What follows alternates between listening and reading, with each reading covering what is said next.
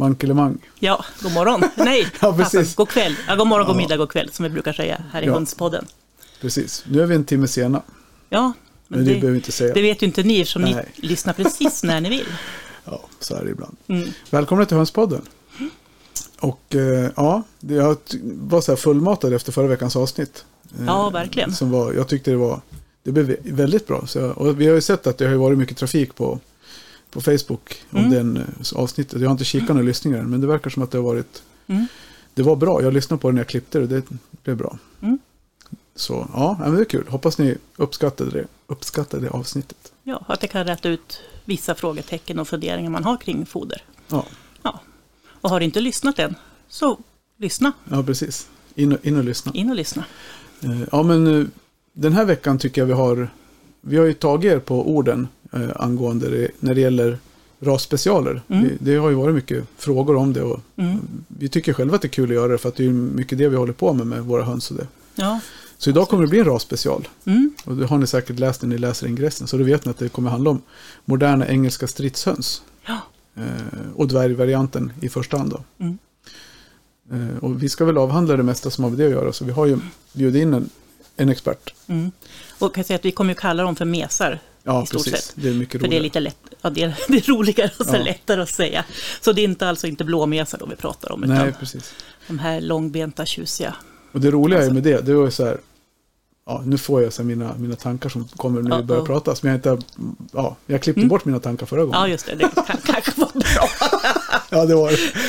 Ja. Eh, Men i alla fall, så det finns ett så här blooper-arkiv, ligger de och, och lurar Ja. till något senare tillfälle.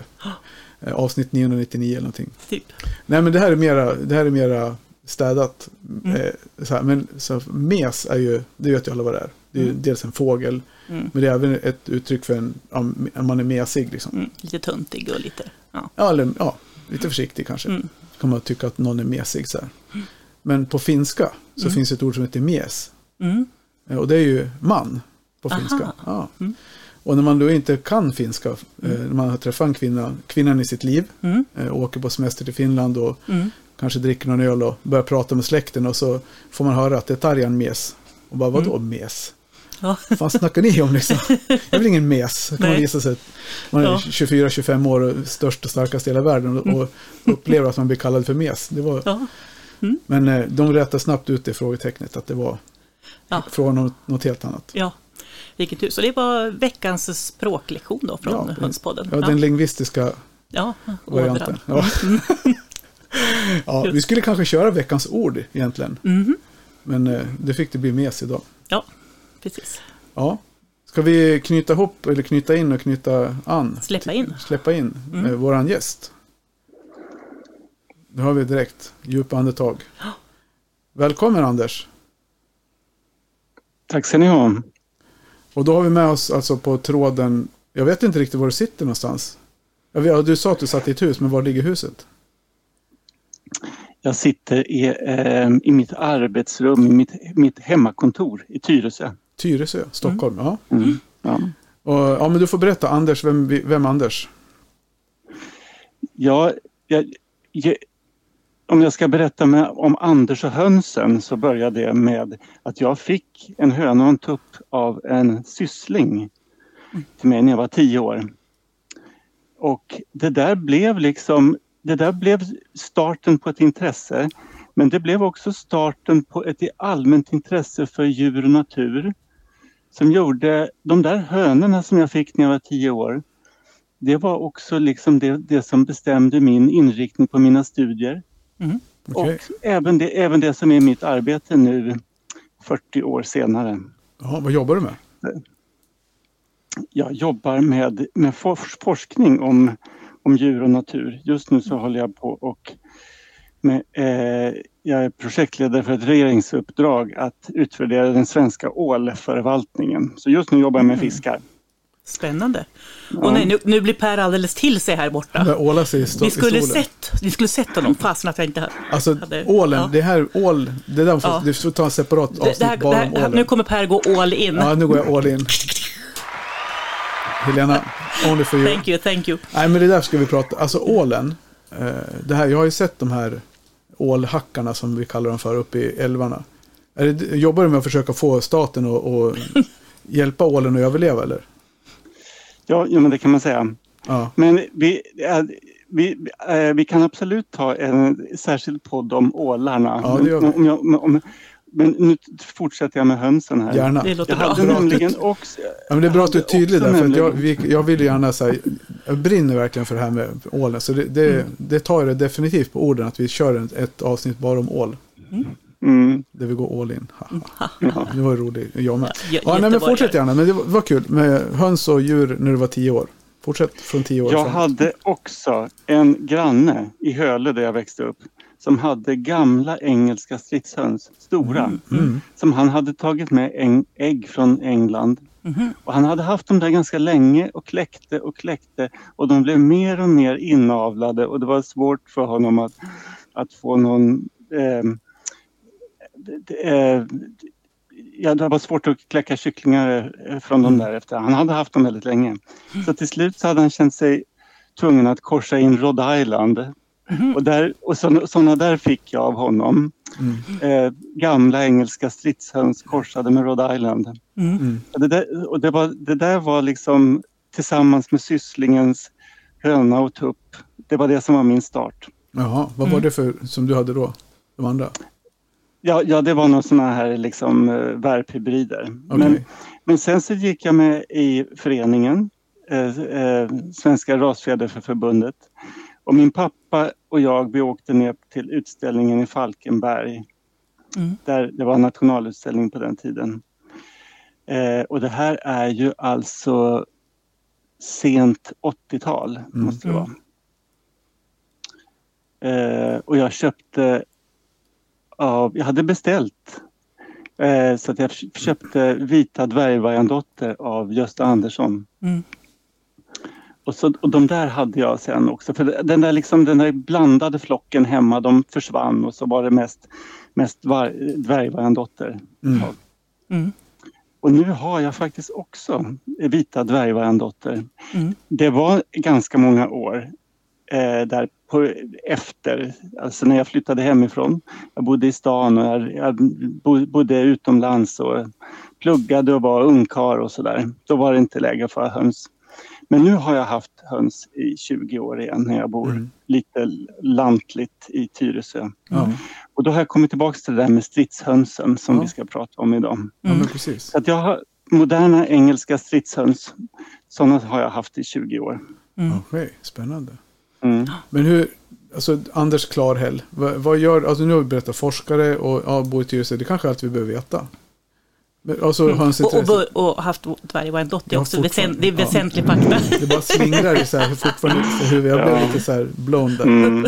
Per är fortfarande kvar på ålarna. Ja, men det är så, ja, nej. Men, eh, Nej, men det, Ja. det här med eh, dvärgvargandotterna och Gösta Andersson var faktiskt, jag minns en tidning, ett reportage och ett porträtt i tidningen Land. Mm. Porträtt eh, hemma hos-reportage hos Gösta Andersson. Han var ju ordförande i Rasfjäderförbundet på den där tiden. Väldigt många år var han. Han Mm. liksom var för föreningen.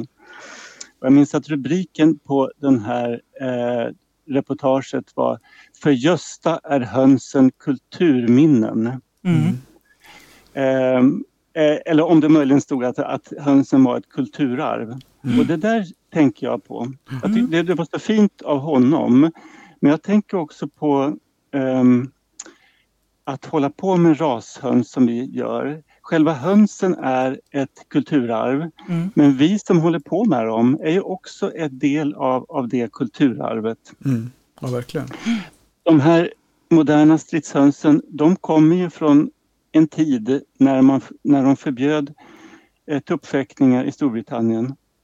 Det här är mitten av 1800-talet och Mm. det var ju också då som de började med, med eh, hönsutställningar. De här, det var ju jättestora hönsutställningar i det här Kristallpalatset i, i, eh, i London Mm. eh, från 1850-talet och fram till, eh, tror jag, 1930-talet. Mm. Det var ju sådär 16 000 djur alltså i, t- och så tidigt. Mm. Och det här, de här moderna stridshönsen, de var ju eh, eh, riktiga eh, utställningsdjur. Och det är de ju fortfarande för det, de är vackra och de är roliga och de är eh, naturligt tama och nyfikna. Ja, precis. Men det är ju faktiskt inte några produktionsdjur. Nej, det är det Nej, inte. det är ju inte. Nej. Mm. Och de har, de har aldrig varit det heller. Nej. Nej. Så att, men det är ju en... Att ha såna här eh, stridshöns tycker jag är att vara en del av det här kulturarvet. Mm. Mm. Men vad var det som fångade ditt, alltså för att fick dig att börja med just moderna? När du, när du väl började, för 20 år sedan? Ja, ja eh, jag, ty, jag tycker att eh, de... Eh, ska säga först att, att jag tycker att, att de är vackra. Mm. Eh, och sen så det här med att de... Inga, inga höns är så naturligt tama som de. Nej. Eh, det är inte så att man behöver hålla på med dem och fixa med dem för att de ska vara tama. De är alltid tama. Ja, Och när de går förbi på gräsmattan kan man bara böja sig ner och ta upp en höna. Mm. Och, det, och man kan sätta dem på, på bordet liksom. Mm. Och det, där, det där har jag aldrig varit med om att man kan göra med några andra, inte eh, jag heller. andra hönor. Och det, och det prova med en italien. uppskattar jag så mycket. Prova med en italienare. Ja. Ja. Ja. Nej men absolut, och det är väl en av de sakerna som jag tycker är absolut mest fascinerande med, med dvärgmesarna. Eller mesarna, jag vet inte riktigt hur de stora men, men att de är, som du säger, de är så nyfikna och, och engagerade i det man gör själv, det man gör. Ska vara med och titta och snacka och, och, och just det att de låter sig, man tar dem i handen och håller dem liksom så här så sitter de kvar med benen dinglande. Så här, det blir tydligt och bra Per. Ja, bra bra podd. Ja. Ja, men man har Hönans- jag vet hur du menar. hönans kropp i handen och så låter benen liksom ner mellan fingrarna Ja. så här. Och sen, Ja, och de har ju väldigt långa ben. Så De de kan ju hänga och dingla höll jag på att säga. Nej, men, Men, och sen de här lätet de har. De, de, alltså de kuttrar ju på något vis. Alltså, eller vad ska man säga? Hur skulle du beskriva deras läte Anders när de snackar? Jag har inte tänkt på att de har något annat läte än andra hönor. Det, det måste jag säga. Jag har inte tänkt på.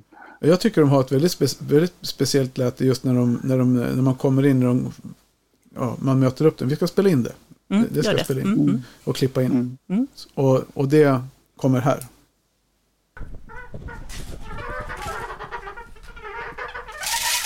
Här mesarna.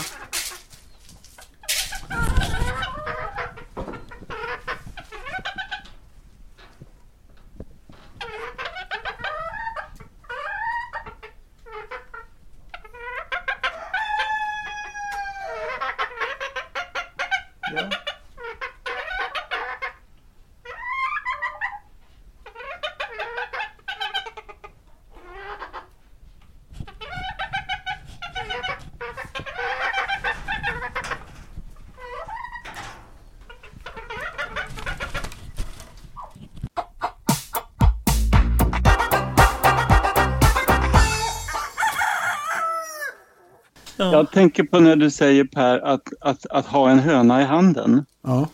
För det är ju den, det är en annan sak som är speciellt med de här. De är så väldigt små. Ja. Mm, Eh, att det går alldeles utmärkt att hålla en höna i ena handen. Mm. mm, Eh, de, de väger ju, eh, hönorna väger mindre än ett halvkilo. Ja. Så de är ju som en, de är som en duva ungefär.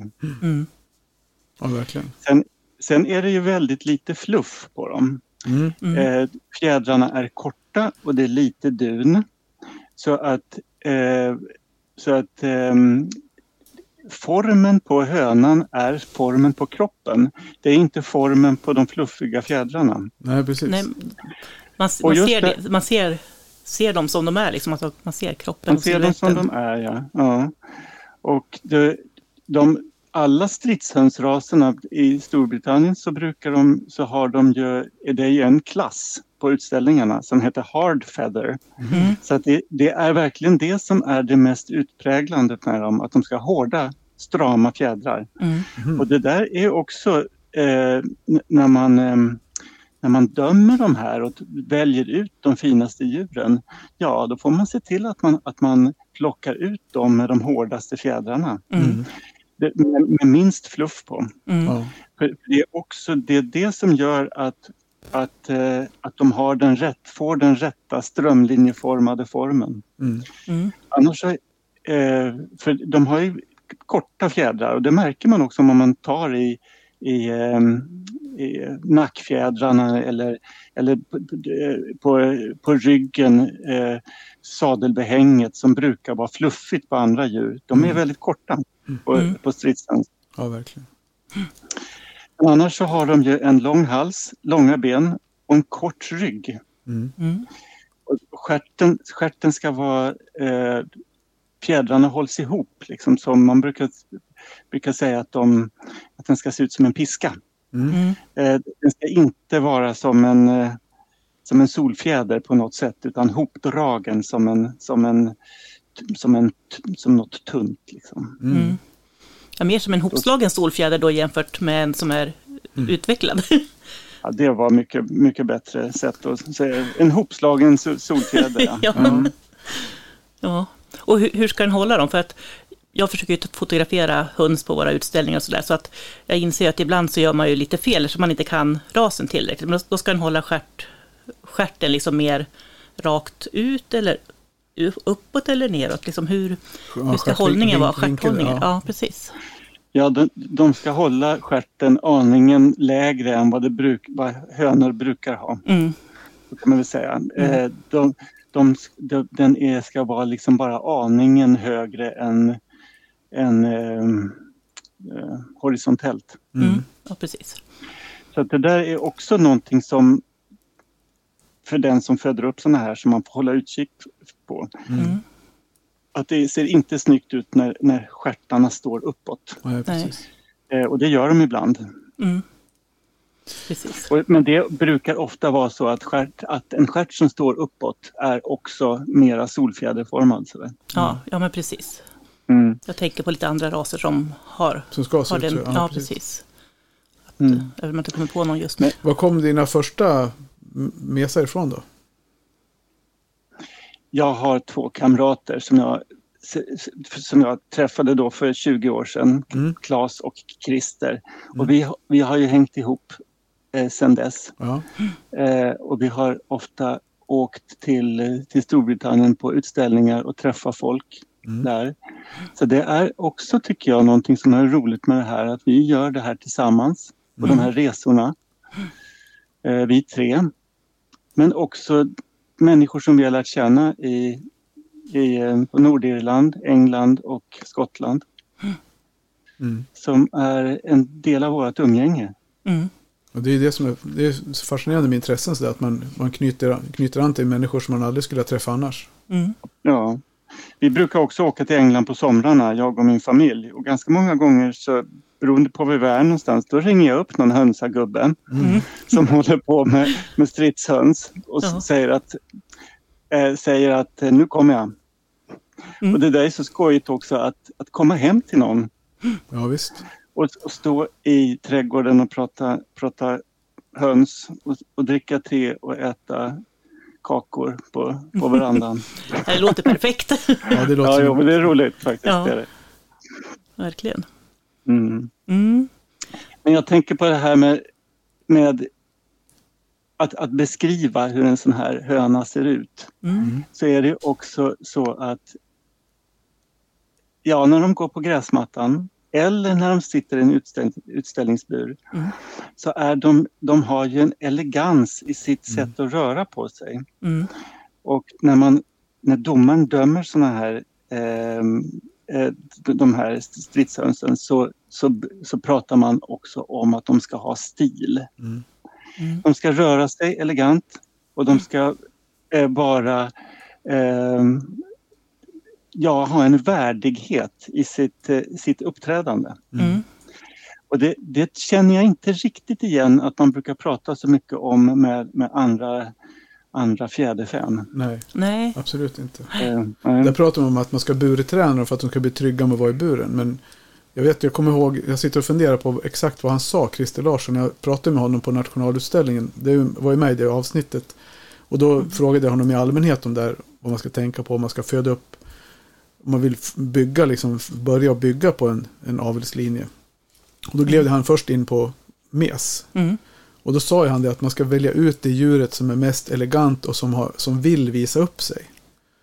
Det var ju hans, liksom, en av grundteserna. Att, ja, den här, som du säger också, att den här elegansen är viktigt i, i, just i mes, sammanhang. Mm. Ja. Jo, Det- ja.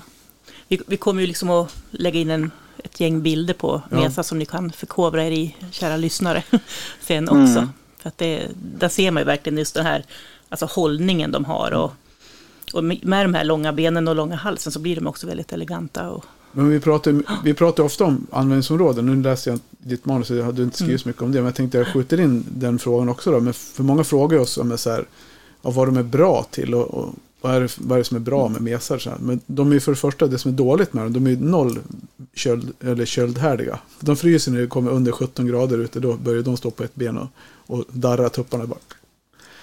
Men, eh, men fördelen med dem är att jag tycker de lägger ändå ganska stora ägg. ja, det gör de. För att vara så små. Så det, jag Mm. tycker silke och, och dvärgmes, de lägger ungefär likvärdigt stora ägg. Och det är fullt okej att äta två sådana till frukost. mm. Ja. Men ja. vad skulle du säga som är, om man ska ha dvärgmesar eller mesar, vad, vad är liksom det bästa med att ha dem eller vad är syftet med dem? Ja, det är för att de är vackra och att de är trevliga. Mm. Och att de är, eh, att de är sällskapliga i att ha en trädgård. Mm. Och fredliga? Ja, ja, ja verkligen. Med, med varandra är, tänker du på då? Ja. Eller? Ja. Också, ja, ja. de, de, är, eh, de är inte så att de håller på och mobbar varandra. Verkligen Nej. inte. Nej, för, för det, den Men- frågan stöter man ju ofta på liksom, i olika Facebookgrupper och liknande. Att, Jaha, men en stridshund, men slåss de inte väldigt mycket då? Och mesar är väl snarare motsatsen till Ja, strida. ja faktiskt. Ja. Det är de. Att, ja. Men eh, som sagt, de, det är inte, de är ju inga produktionsdjur.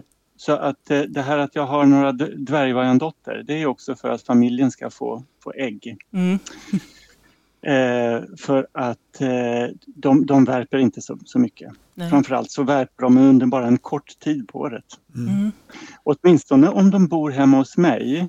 Mm. Och det här var ju också någonting som, som jag hade tänkt att jag skulle prata om, om det här med eh, hur, hur man styr deras äggläggning, för det gör ju jag nämligen. mm,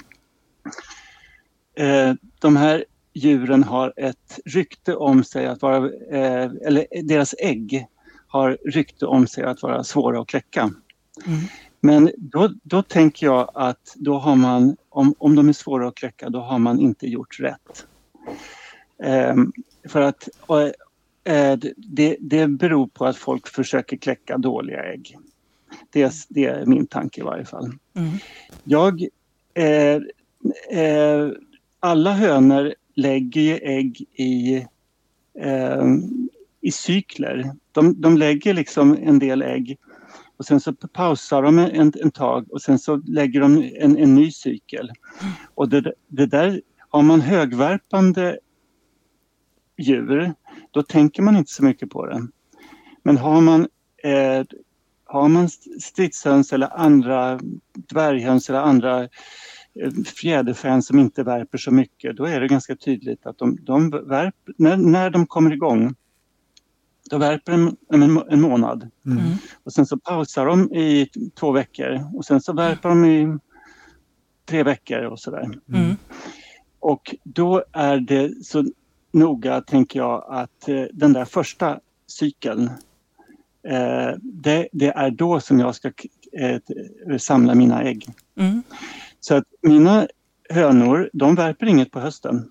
nej, Och eh, de unga hönorna, de värper sina första ägg när de är sådär 10-11 månader gamla. mm, Jag skulle kunna få dem att värpa när de är fem eller sex månader, men det vill jag inte. nej, För jag vill att när de lägger sitt, när en unghöna lägger sitt första ägg i livet, då ska det hamna i äggkläckningsmaskinen. mhm, Ehm, så att det, det- hon, hon får inte värpa någonting under hösten och ingenting på vintern.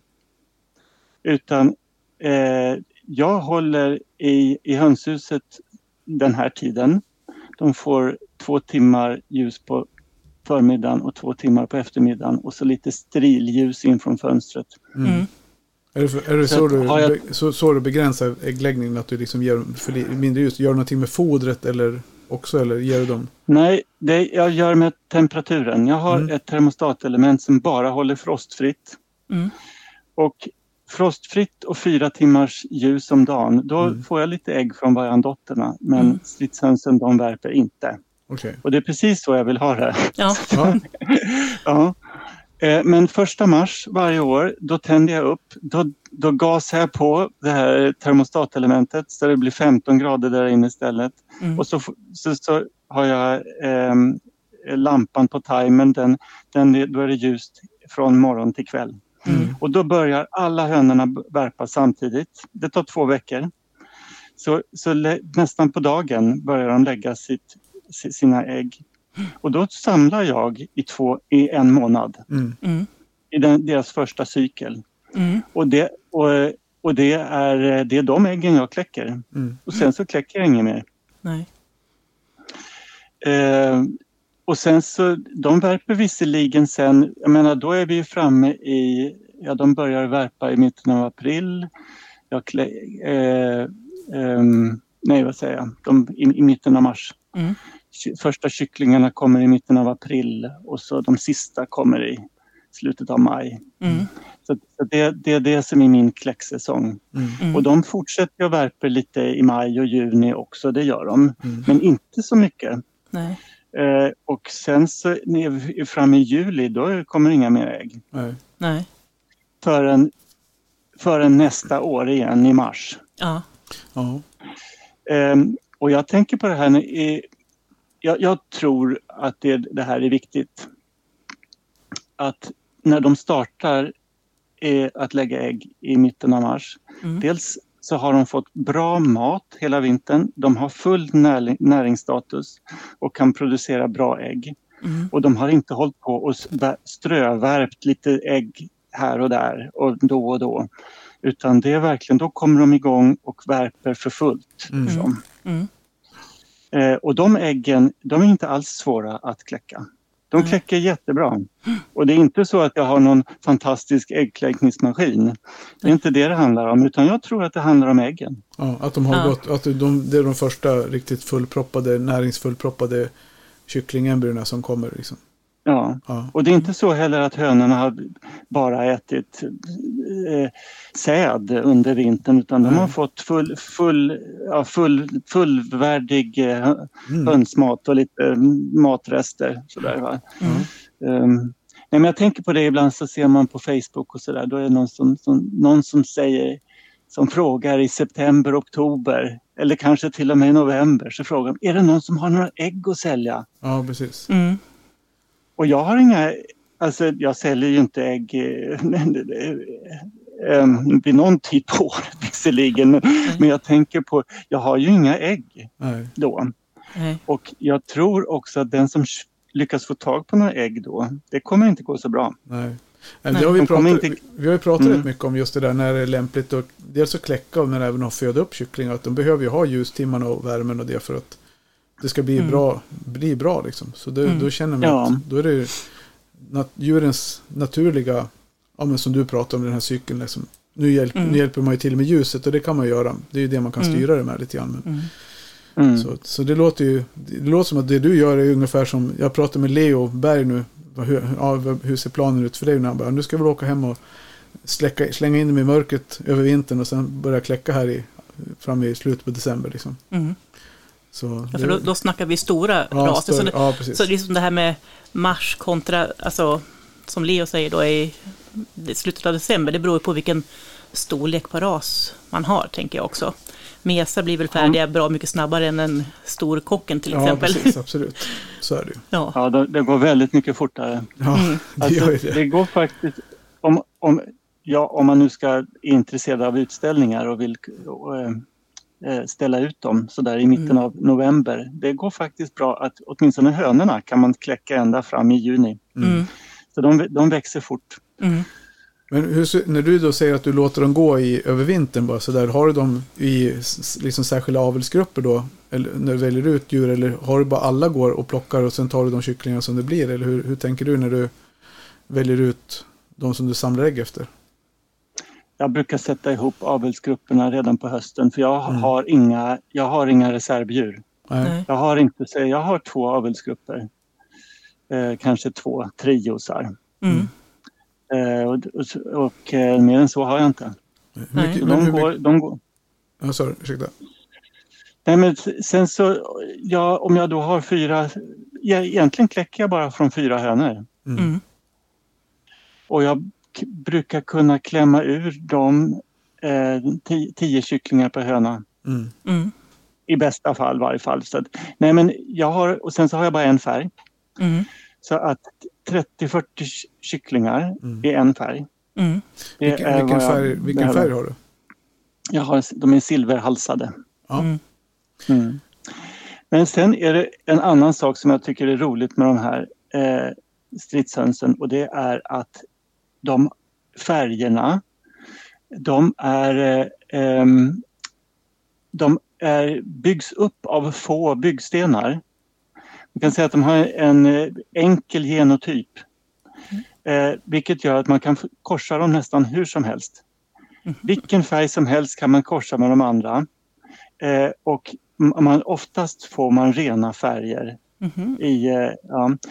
Det är några fall där man kan göra bort sig och få fel benfärg och sådär på dem. Men det är inte så farligt. Vet man hur man gör så kan man snabbt komma tillbaks till rätt benfärg till Mm. nästa år. Mm. Det är några färger som, som, blir, lite, som blir dåliga första året. Men de kan man liksom fixa till till nästa år sen. Mm. Men eh, till exempel då eh, de silverhalsade och guldhalsade och vetefärgade, de går bra att korsa hur som helst. Mm.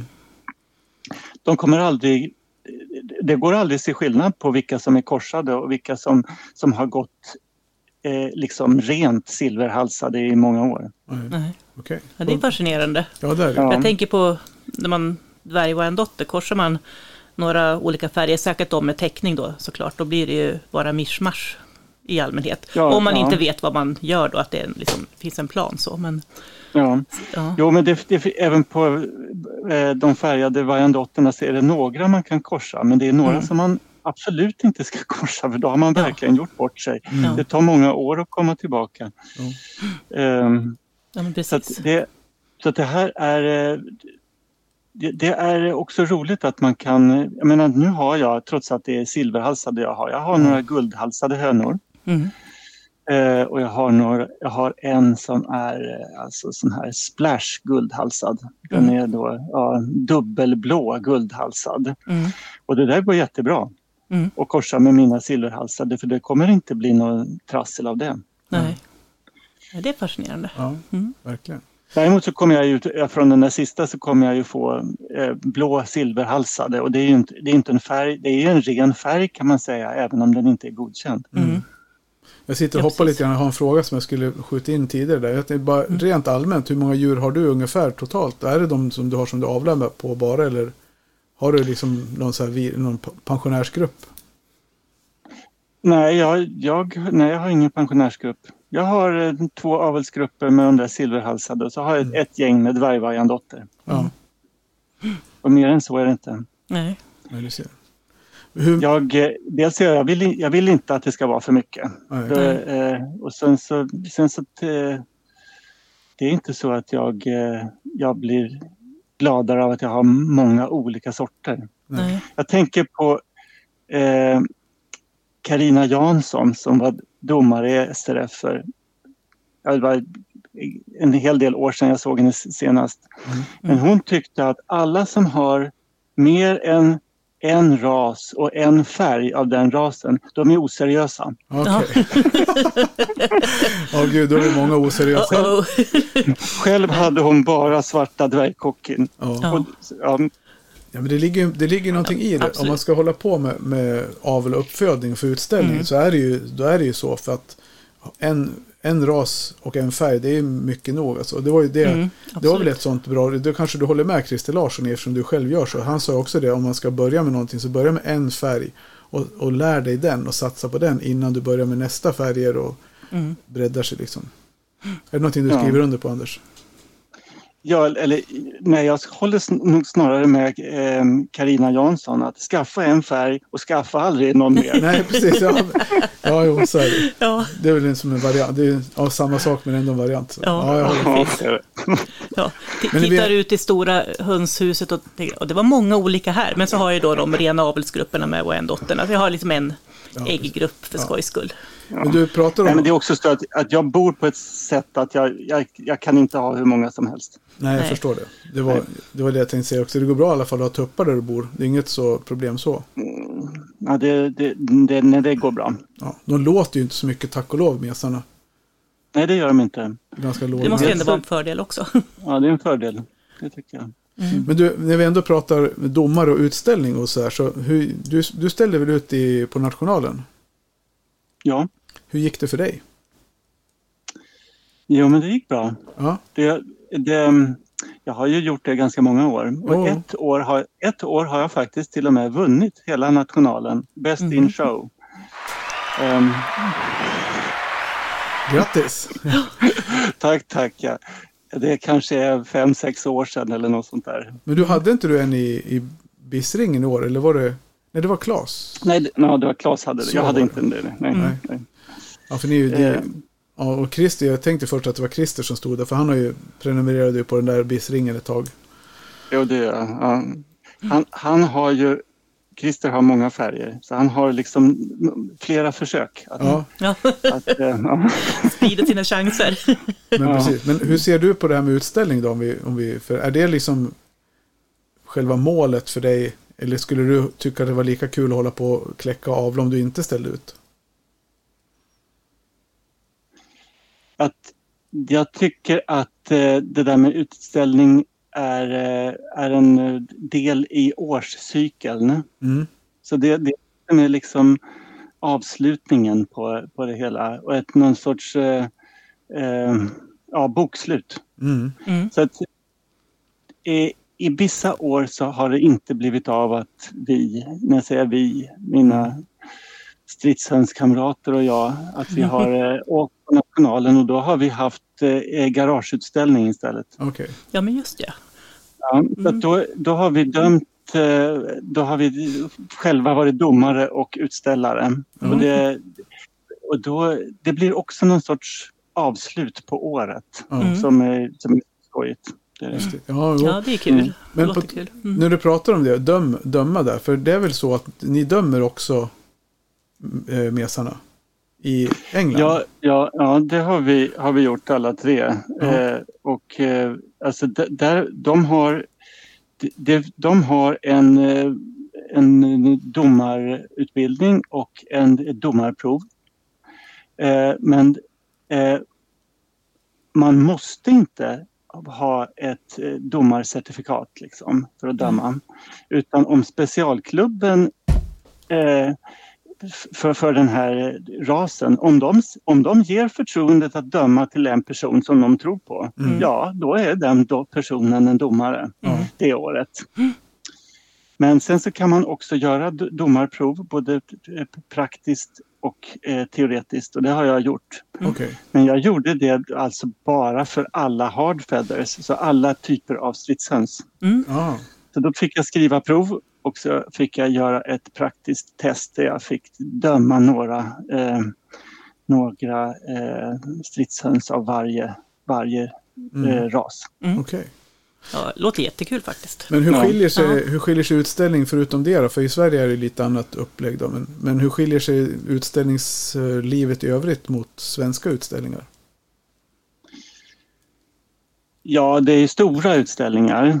Eh, eh, alltså de, de största utställningarna är ju 6-7 tusen djur Mm. och sen är de ju kortare.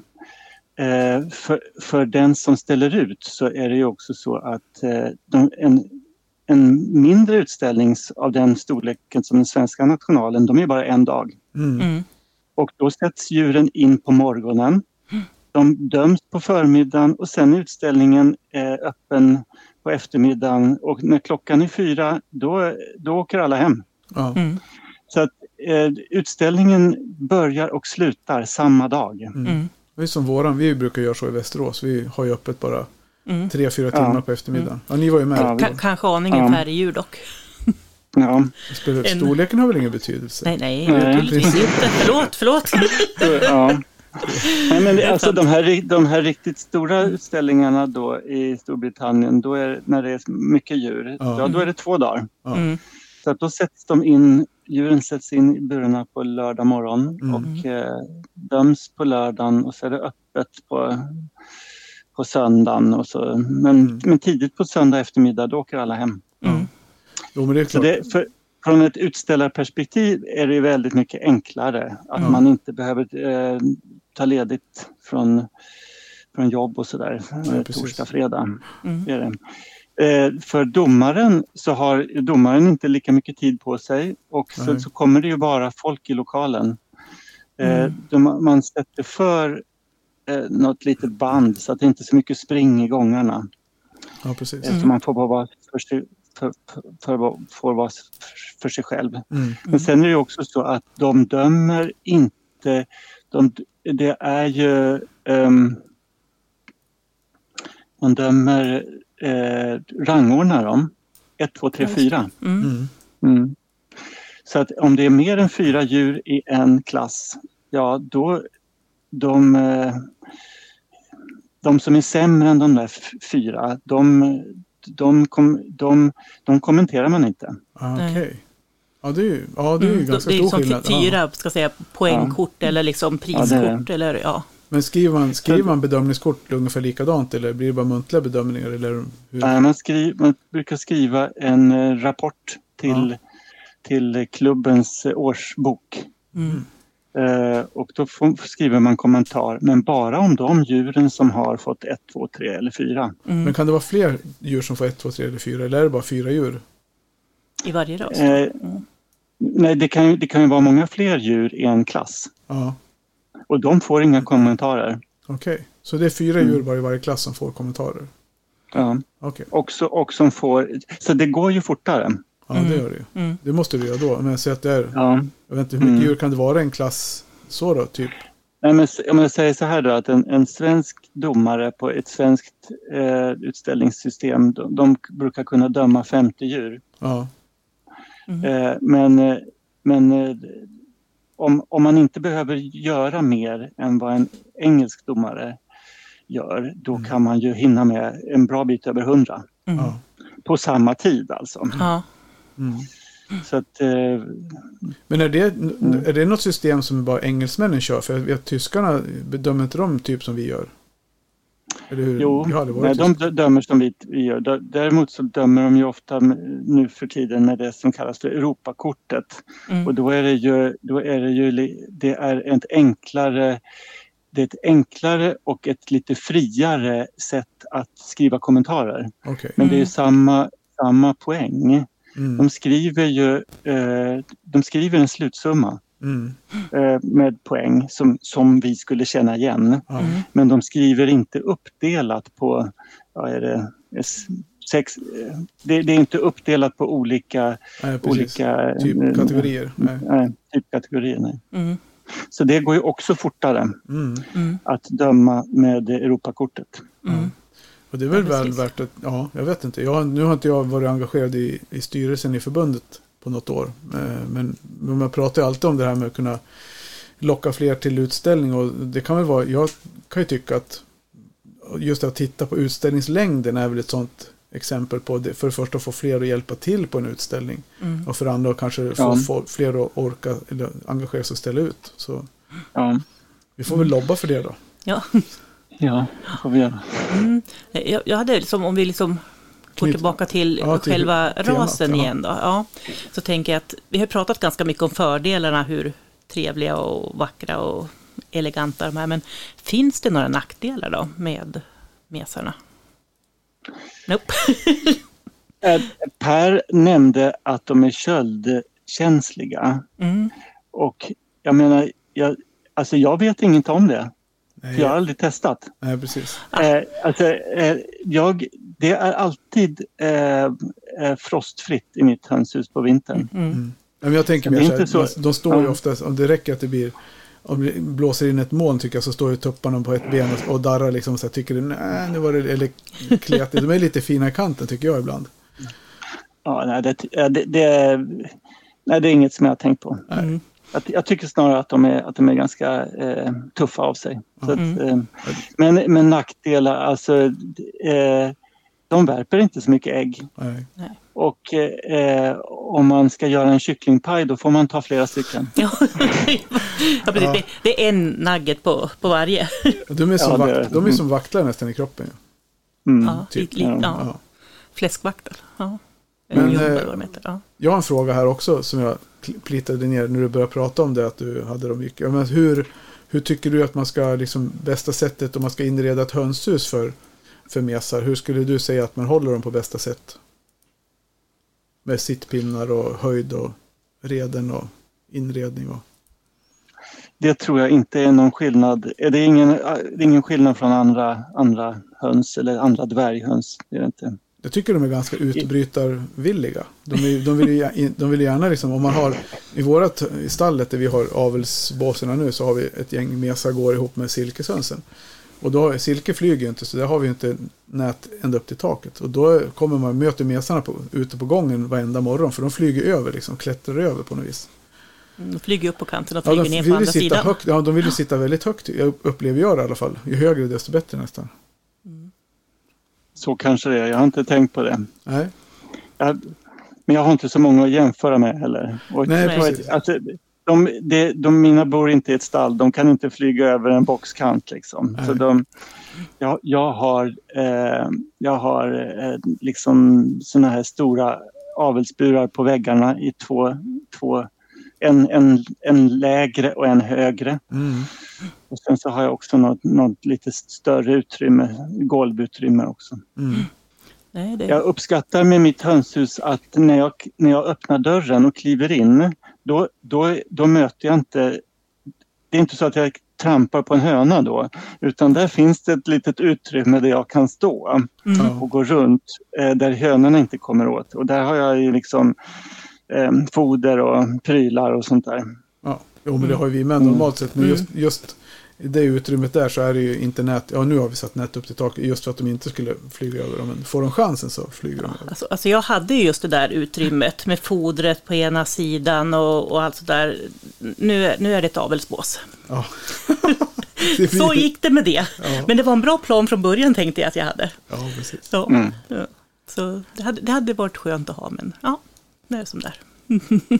jag tror att vi har pratat om det mesta som vi hade liksom Ja, som vi brukar få med kring djuren och dessutom lite extra, tänker jag, vilket är, har varit väldigt intressant.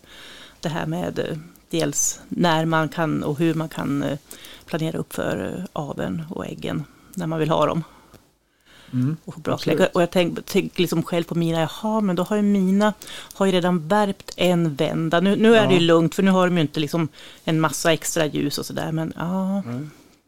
Nej, jag får nog tänka till på det där. ja absolut. ja. Mm. Men eh, ja, vi, nu har ju vi frågat lite grann. Har du någonting som du känner att mer som du vill berätta och dela med dig av? gått igenom mycket av, av det som jag hade det som jag hade förväntat mig att vi skulle prata om. Ja. Och kanske lite det vi inte förväntade oss också när vi började prata om ålar. Kanske det också. Ja, visst. Ja. Mm. Ja, men du, eh, vi, vi, eh, då känner jag att vi är klara med, med, med din insats så här långt. Så kan väl du hänga kvar i kulisserna så, så återkopplar vi till, dig- till dig när vi, har, när vi har snackat ut. Per längtar efter att prata om de där ålarna. Men så om du bara Ja. hänger kvar Anders så, så hörs vi om, om några minuter. Ja. Ja, Mm. Tack, tack. hej. Tack.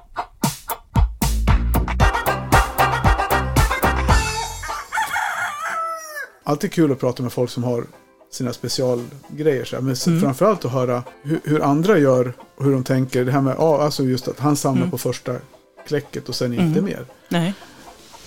Det är alltid kul, det ska man prova. Ja, ja, precis. Vad det är för foret, men det är för sent redan för, för Ja. årets kläckta hönor. Ja, precis. Ja, så är det. För de har redan värpt. Ja. Mina tidigaste. Men, men så, det är också det att ha lite större djur, även om dvärg inte är jättestora. Nej. Så ehm, ja, det... Men det kanske blir på andra Ja. omgången då. Ja, det kanske precis. blir bra, för nu, nu, får de, nu tar de det lugnt. Har du några mesar? Nej, jag har ju inte det, men jag, ja, jag skulle Ja. vilja ha dem. Det är världens, jag tycker, det vi inte pratade om, det var liksom just det lätt, hur lättskötta de är. Jag tycker Mm. verkligen att de är otroligt lätta att hålla, för de är ju de är ganska små i maten, men, Mm. men, men de är som renliga av sig på något vis. Mm. Och så här, alla andra höns, vi hade ju höns, Mesa gick i, i paddocken i en liten rastgård. Mm. Sitter och pekar. Ja, ja precis. Där, och, och där var det ja. så, hade vi haft andra höns där ute, de hade vänt upp och ner på den där rastgården med grus. Men det här var det liksom så här, lite fint plockat i gräset här. De hade inte Ja. sprätt så mycket utan de är väldigt så här stillsamma av sig. Ja. Så verkligen som Anders säger, en, prydnad i trädgården mer än någonting annat. Mm, mm. Jo, jag har en dröm, men man skulle bara ha en ras och en färg, så jag ligger redan Ja, man är helt på fel. fel sida om det. Men Där är man ja, körd. där är man körd. Man kan ha det som mål. Det kan man ha. Ja, låta Mm. yxan gå. Ja, vi får se. Ja. Vore ju synd på de ny, årets nyinköp, de här Ja, precis. dvärgaustralorparna. Eller så kan vi öppna dörren. Tyst. Ja. Ja. Jag rekommenderar inte att man lämnar dörren till hönsgården öppen Över för då, över natten, Nej. för då kommer räven och då blir man ledsen. Min, min finaste, finaste Mick Jagger och fyra hönor. Men Ja. man får vara glad att han inte tog fler. Men du, vad härligt. Då har vi avverkat en rasspecial. Ja, jättekul och det är roligt för att det här är ju en ras som har efterfrågats av flera personer och, som är intresserade. Så det är jättekul att kunna presentera det. Det är det. Ja. Så tack för den här gången. Ja, tack ska ni ha för att ni lyssnade. Adjö. Återhörande. Ja, hej då. Hej!